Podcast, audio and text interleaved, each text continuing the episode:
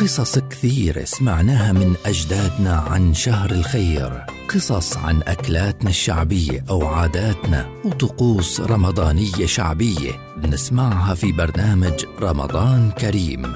رمضان كريم برنامج رمضاني يصحبنا فيه الحكوات حمز العقرباوي خلال شهر رمضان في مثل هذا الموعد عبر أجيال.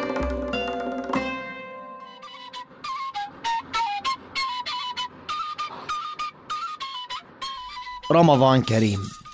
وقال للقوم داعيهم ألا انتبهوا هذه الموائد قد مدت هيا انتظموا. هبوا إليها كأسد الغاب يدفعهم. شوق إلى ما حوت وكلهم نهموا.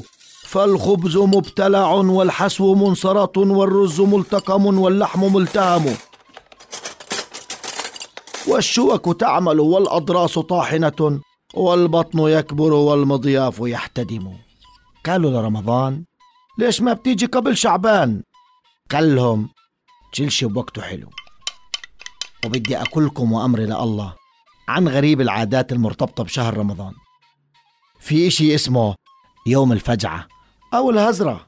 هذا اليوم هو اليوم الأخير من شهر شعبان واسمه مرتبط بالأكل من كل إشي مما لذ وطاب قبل ما نبلش نصوم. ما حدش يسألني وإحنا بنصوم مشان نوكل ولا بنوكل مشان نصوم.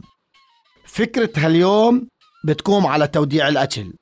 بنوكل كل بواكي الأكل اللي في الدار أو الطبخات اللي ما بنقدر نطبخها في رمضان.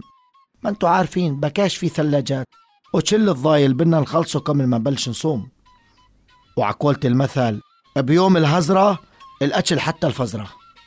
يوم الهزرة يعني يوم الفجعة في العراق في الكويت بعض دول الخليج بسموه يوم الكريش.